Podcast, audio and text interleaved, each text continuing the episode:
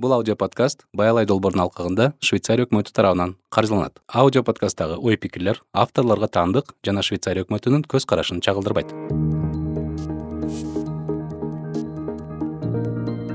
Саламатсыздарбы урматтуу радио каармандар. Мынакей эле радио уктуруу сөз берүүлөрүн улантат. Бүгүн биз ош облусунун алай районунун согонду айылына келдик.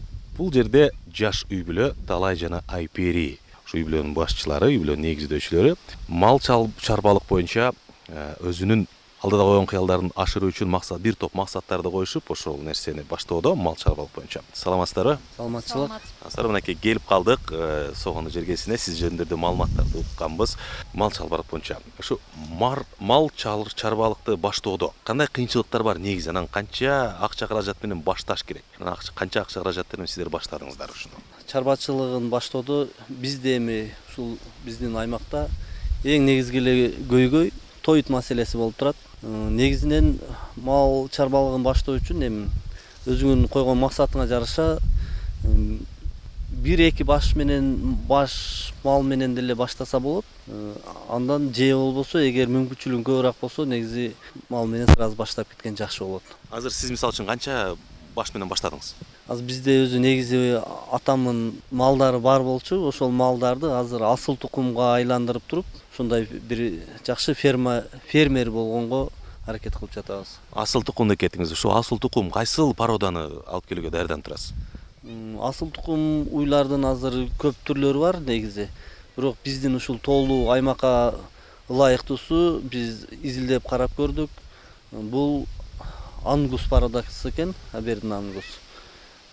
Ушул эт багытындагы ангус породасын өздөштүрсөк деген ой бар негизи мен сиздер менен ушу маалымат алгандан алдын э, билгенде бул ангус породасы шотландияда он тогузунчу кылымда чыгарылган порода экен негизи ушу эт багытында. Ушул шотландиядагы ушул тоолуу өлкөлөрдөн демек ушул ангус породасы биздин климатка биздин шарттарга жакшы эле көнөт экен да. Ооба э, ангус породасы өзүнөн түзүлүшүн карасак буттары кичине и эти эти бир эт бир май болуп ушундай слой болгондуктан бул ангус породасы суукка дагы чыдамдуу келет келет деп ушул окуп үйрөндүк билдик. Ошол себептен ушул ангус породасына басым жасаганыбыз ушул. Каерден үйрөндүңүздөр? Баялай проектиси боюнча атайын окуулар жүргүзүлгөн. Агахан менен биргеликте. Э, ошол жерде Э, жаңы э, жаш үй бүлөлөрдөн фермерлерди алып чыгуу боюнча атайын курстан өттүк мына ошол багытта ошонун негизинен э, ушул багытта бара жатабыз. Эми буюрса ушу ангус породаны алып келдиңиздер. Ар бир жумуш өзүнүн кайсыл бир мерчемин планын түзүш керек да. Негизи ушул мерчем боюнча план боюнча качан келерки ушул кирешени күтүп жатасыздар? Жана пландаган кирешеңиздер. Бул азыр эми эгерде биз жалаң бука алып карай турган болсок анда ушул э, быйыл кыштан чыгарсак келерки ушул мезгилде күздөрдө уже киреше алса болот. А эгерде кунажын ала турган болсок анда дагы бир жыл күтүшкө туура келет. Эми ушу ангус породасы негизи эле ушу чет өлкөдөн келген э, мал болуп атат да кара мал. Чет өлкөлүк анан биздин ушу кыргыздын климатына келди дейли кандай болбосун биз үчүн бир чет өлкөлүк деп коет да мал жандык болсо дагычы биздин шарттары кандай түзүш керек? Өзгөчө түзүш керекпи? Ушу малкананы башкача жасаш керекпи жасалгаласы? Же каалаган шартка көнө береби экен? Эми ангус породасына басым жасаганыбыздын бир себеби дагы ушул болду. Ангус породасы бул эми өзгөчө жанакындай сарайда кармалбайт экен. Э, сыртта эле бир шамалдан тозгон стена же бир далдоо жер болсо ошол жерде кармаса болот экен. Ушул себептен дагы ушул ангус породасына басым жасап атканыбыз негизи ушу мраморный болот экен дейт э? Бир эт бир май бир эт бир май боло турган болсочу. Демек ушул планды жасаганыңыздарда ушул окуу жөнүндө укканыңыздарда кошо чогуу кеңешип ишти баштадыңыздарбы же ортодон талаш тартыштар болдубу жасасакпы жасабасакпы башка эле бир жеңил ойго өтпөйлүбү жумушка өтпөйлүбү соодага өтпөйлүбү деген моменттер болдубу? Албетте окууну биринчи баштап атканда бул э, биз өзүбүз айылда жашагандыктан биз өзүбүз мал кармайбыз анан ошол туягын эле санап жүрө бербестен баягы сандан сапатка өтүү э, бир негизги максат болду да. Андан сырткары ушул азыр айыл жеринде ар бир үйдө мал кармашат алар э, баягы жайыттар деградация болуп жайыттарыбыз жок болуп бара жатпайбы чөптөр чыкпай э, мал тебелеп ошол себептен жайыттарды сактап калуу максатында биринчиси экинчиси үй бүлөлүк кирешени тез жана оңой көтөрүү жолунда ушул анан үчүнчүсү убакытты үнөмдөө өзүбүз мамлекеттик жумушта иштегендиктен көпчүлүк убактыбыз ошол жумушта болуп анан ошол убакытта эле баягы малды кошумча киреше иретинде кармаш үчүн ортодо сөзсүз түрдө баягы үй бүлөгө ортого салганбыз ушундай окуу жүрүп атат ушул алкагында жүргүзүп атат. Көрсө бир эле ушундай көп малдын аркасынан жүрө бербестен ошо сандан сапатка өтүп убакытты үнөмдөө менен кирешени көбөйтөлү деп анан чогуу чаран. Биргеликте макулдашып анан ушул жолго барып жатабыз кийинки суроом негизи. Ушу асыл тукум келе атат ангус породасы бул эт багытындагы мал экен негизи этти көбөйтүү максатында аябай көп тоют керек жем керек. Ушул жемдин маселесин кандай чечесиздер эми? Туура айтасыз бизде өзгөчө эле биздин ушул согондо айылында тоют камдоо аябай кыйынчылыкка туруп жатат акыркы жылдары. Бул деле ушул жана эле айтып кеткен ушул глобальный потепление деп дүйнө жүзүндө бул проблема болуп жатат. Буга дагы ушул биздин маалыматыбызга уккан маалыматыбызга караганда ушул биздин уйлар дагы себепчи болот экен да. Бир уй бир жеңил машиненин чыгарган газын бөлүп чыгарат экен. Ошол себептен дагы сандан сапатка өтүш керек деген проблема келип чыгып атат да. Анан эми бул тоютту камдаш максатында биз азыр ушул интернеттен карап отуруп экструдер деген станокту алдык. Э, новосибирскийден заказ кылып алып келдирдик.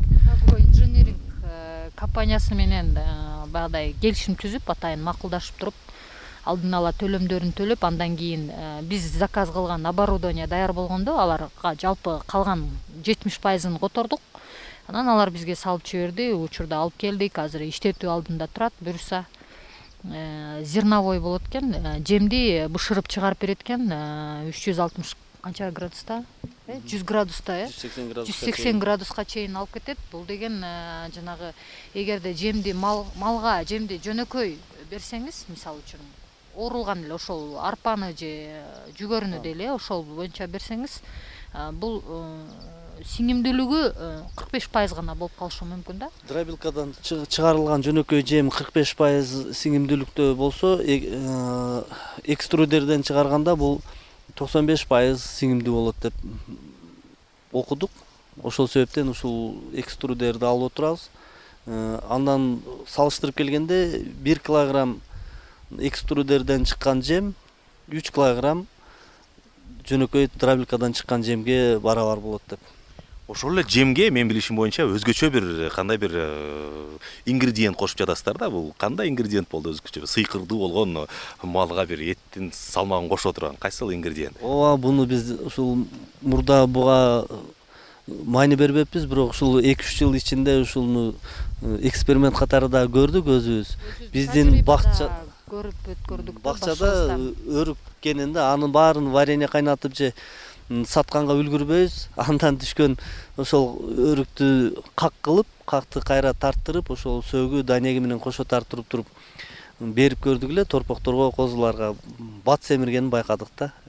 Эми ушуну дагы колдонсок болчу да дейбиз негизи ушул сиздердин дагы кеңешиңиздер керек да ушул азыркы этапта бизди угуп жаткан радио каармандар дагы кимдир бирөө ушул өзүнүн үй бүлөлүк бир бизнесин үй бүлөлүк бир ишин баштоонун алдында турушат бирок эмнеден башташын билбей жаткан кези болушу ыктымал ошол себептен сиздердин кеңешиңиздер кандай? Кайсыл жерге багыт коюш керек? Өзүнүн жөндөмдүүлүгүнүн кайсыл жерин караш керек анан кайсыл бизнести башташ керек деген оюңуздар албетте бул э, биринчиден э, бизнести баштоодо бул өзүнүн жашап жаткан чөйрөсүнө караш керек талап ыңгай шартына караш керек. Анан э, ошол айлана чөйрөдөгү э, мисалы үчүн бизден башка жарандар эмнени каалашат эмне талап көбүрөөк э, муктаждык болот ошого карап туруп анан кийин бизнести башташ керек. Именно биздин азыркы өзүбүздүн шартты ала турган болсок бизге ошол этти өндүрүү жана ошол эле өндүрө турган этке малга жем даярдоо. Ушул талап. Жергиликтүү бийлик тарабынан ушул сиздер баштап аткан э, иштерге кандай бир көмөк көрсөтүү барбы? Жергиликтүү бийлик тарабынан көмөк көрсөтүү жок мен кайрылат элем учурдан пайдаланыпчы. Мисалы үчүн биз арзан пайыздагы кредиттерди алып атпайлыбы э ошо ушул жем тарткычты алганда деле ошо кредит алып анан кийин баштадык да. Бирок алгачкы баштапкысын э, жанагыдай эгерде мал ала турган болсок алты айга гана коюп берет да. Алты айда деген э, торпок чоңойбойт да. э, торпок мындай алты айлык болуп кирешеси аз болот дагы. Кайра эле баягы каржыны жабууда кредитти жабууда карызды алган малдын өзүн сатканга туура келип калат да. Ушул учурдан пайдаланып бийлик органдарына башкаларга суранат элем ошо э, баягыдай алты айлык мөөнөт эмес бир узагыраак убакытка коюп берсе. Андан сырткары ошол фермерлерди колдоодо э, жергиликтүү бийликтердин колдообу жүрсө мисалы үчүн э, бизде тойт маселеси оор болуп жаткандыктан тойту башка өзбекстанданбы башка мамлекеттерденби баягыдай арзаныраак алардан эми көп болгондуктан арзан эле чыгат да ошол растаможка жана жолдон өткөргөндө сурап канча чөп керек э, же бизден башка дагы бар да фермерлерчи пайдалана турган. Ошолор менен тыгыз байланышып алып келип берсе бизге жакшы болмок да себеби чөп менен өзүбүз өзүбүздүн жерде толук кандуу камсыздай албай калабыз. Эң жакшы жана ушундай бир жакшы бир маалымат биздин э, радио каармандарга. Сиздерден ушу мал чарба менен тааныштык. Ошо бар экен ангус породасын алып келип жатасыздар. Сиздерде ушул экструдер алып келдиңиздер ушул тоютту өзгөчө жүз сексен градус температурада ысытып э, бул жүз градуста суу кайнайт негизиненчи жүз сексен градус бул деген аябай сонун бышкан даамдуу тоют болуп чыгат экен. Ушул чындап эле салмагына кошо турган чоң салымы да болушу мүмкүн. Ошол эле учурда э, бул жерден сиздерден көрдүк э, бал челектер турат. Ушул бал челекке дагы баш багыпсыздар. Бул бул боюнча кандай кыйынчылыктар болду сиздерде? Эми негизинен бир эле багытта токтоп калбастан адам ар дайым изденүүнүн үстүндө болуш керек да. Э, ошондуктан биз ушул биздин айыл өкмөттө жүрүп жаткан баялай долбоору менен иш жүрүп жаткан экен ошого кокустан кошулуп калдык да биз. Анан карап көрсөк аябай эле жакшы пайдалуу нерсе болгудай жок эле дегенде эми сатыкка чыгарып акча таппасак дагы биздин семьяга ушул таза бал менен камсыздаганга жакшы болгудай деп башында ошентип кошулдук да. Андан бирок окуп аралашканда аябай эле кызык болду. Бул балчылыкты дагы окуш өмүр бою окусаң дагы баягы сырын окуп үйрөнүп бүткүдөй эмессиң. Анан үй бүлөгө да жакшы эле киреше болчудай ал жагын да байкап калдык эми. Мындан нары дагы бал челектерибизди дагы көбөйтсөк дагы кошумча киреше болчудай да Э, негизи баягы мамлекеттик иште иштегенде ошол айлык мектепте иштейм да например. Ушул мектептен алган айлык менен же үй салып же бир машина минип кыйын да ошол себептен кошумча кирешелердин булагын изденүүнүн үстүндө жүрүп ушул балчылык ангус породасына уйлар ушуларга туш келип отурабыз. Балды ушул бал челектерди ким карайт? Сиз карайсызбы же айпери карайбы?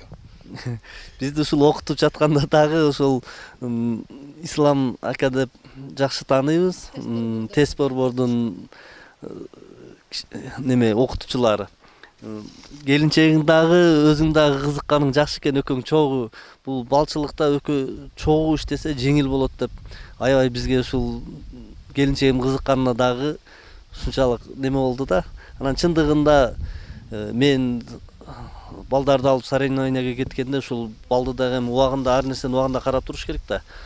Мен жок болсом келинчегим ушул жумуштарды аткарып коет да. Бул жагынан жеңилдик болот экен. Демек сиз карайт турбайсызбы анда бал челектерди ооба бал челекти кароодо негизи мындай физикалык күч деле кереги жок. Аял киши деле алып кетсе болот. Башында ошондой өзүбүз үчүн эле деп баштаганбыз бирок мен да азыр башкача максатка өттүм. Бизнес кылгым келет бал менен. Э, көп киреше тапса болот экен. Убакыттан үнөмдөлөт э, мисалы үчүн кой бакканыңда койду чабанга кайтартасың да. Балда андай эмес. Асал бакканда арыларды бул жакшы көңүл бөлүп баягы мээрим менен карасаң алар аябай жакшы сонун эмелер киреше чоң киреше алып келет да.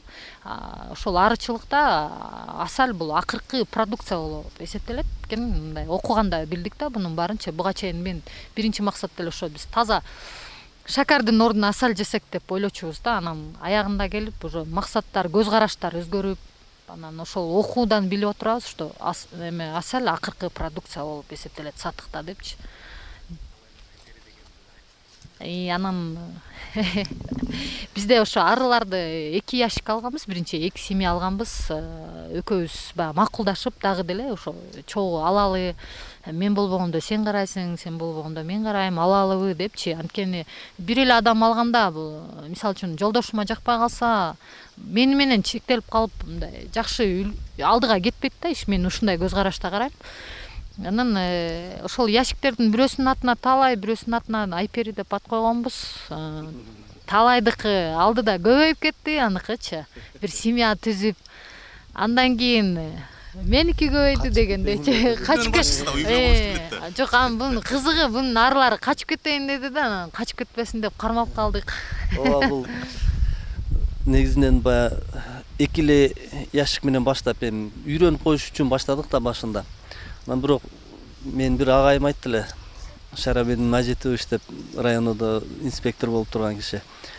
«Э, тетиги тоону көрдүңбү дейт да. Ошол тоого чыксаң анын ар жагындакысын көрөсүң деп айтты эле да. Анысыңарында биз баштадык эле ушул эки ящик менен. Андан ары жагында уже бизнес бар экенин киреше бар экенин көрүп эми андан кийинкисине умтулуп атабыз да. Азыр ушул мен деле жаштарга кайрылып кетет элем коркуп бир нерсени баштап жүрө баштабай жүрө бербестен аны баштап көрүш керек. Көргөндө анан кийинки анын арка жагындагы жакшы нерселер дагы көрүнөт. Ошон үчүн тоого чыгыш керек и тоого чыксаң анын аркасындагы кийинки тоолорду дагы көрүш керек. Негизи мен ойлойм азыр биздин радио окурмандарды жана жеке өзүмдү кызыктырган суроо да негизи. Арылар булар сулуулукту жакшы көрүшөт да арылар гүлдөргө конушат гүлдөрдү чаңдаштырып сулуулукту жакшы көрөт. Демек э, талай мырзанын э, талай деген койгон бал челектеги арылар качып кетти дедиңиз э? Демек айпери деп койгон бал челекти арылар качпады. Демек ушул сиздин сулуулугуңузга бир таң калышып ушу арылар бир кызгануу сезимдери болдубу талай бал челекте болгон арылар бир чаккан кези болдубу сизде негизи талайдын э, билбейм ойлоп коебуз да характери жакшы бирок таалайдын арылары бирок чагат. Анан э, аябай мындай э, эме да спортсмен кандай десек баягы ящикти ачканыңда эле характерден да зависеть этет окшойт да адамдарга окшоп калабы кандай. Анан бирок таалайдыкы жакшы башында айтышкан таалайдын арылары күчтүү экен таалайдыкы экиге бөлүндү депчи ошол тест центрде окуткан агайларчы. Анан андан кийин алар айтып атышпайбы айперинин арылары спокойно анан мындай бат көбөйүштү деп экөөбүздүкү тең таалайдын аркасынан меники деле көбөйдү да бирок меники качып кетейин деген жок өзүбүз эле мындай көбөйгүлө деп көбөйттүк. Бул жерде деле эми ошол ген баягы тукум куучулук деген болот экен да. Башында ошол ящик кандай арыдан ящиктен бөлүнүп калса ошол семья ошол мурунку түпкү тегин тартып кичине баягы ачуусу тез болсо ошолорду тартып кайра ачуусу тез деген сыяктуу болот экен да. Балким ошондон болгондур. Кээ бирки ящиктерди ачсаң вообще эч чаккан менен иши жок өзүнүн тирилигин кылып эле жүрөт да. Кээ бирки ящиктерди ачаарың менен ача электе эле даже барып чагып турат. Ал эми ошол мурунку бөлүнгөн семьясын тартып калды го деген ой бар да. Канча бал алдыңыздар? Бир бал тартып көрдүңүздөрбү эми биз семья алганда пакет деп коет экен. Бул да төрт рамка. Аны башында көбөйтүп ящикти толтуруп он сегиз рамкалуу ящигибиз бар эле. Ошого толтуруп антип кичине бир топ убакыт өттү. Андан биз биринчи тартканда он литрдей бал алдык. Жаш үй бүлө менен сиздерди тааныштырып өттүк. Булардын ишкердиги иш бийлеркечтиги дагы аябай алдында экен. Аябай сонун сөздү айтып кеттиңиз бийик тоого чыксаң кийин дагы тоону көрөсүң деп. Мен ойлойм ушул бизди угуп жаткан телекөрүүчүлөр да ушул сөзгө дагы негизинен таасирленет болуш керек. Койгон алдыга койгон максаттарын коркпостон бир ишти баштаса андан кийин соң ошол ишти даян соңуна чейин чыгарат бир натыйжасын чыгарат деп ойдом. Сиздерге чоң рахмат сиздерге ийгилик каалайбыз.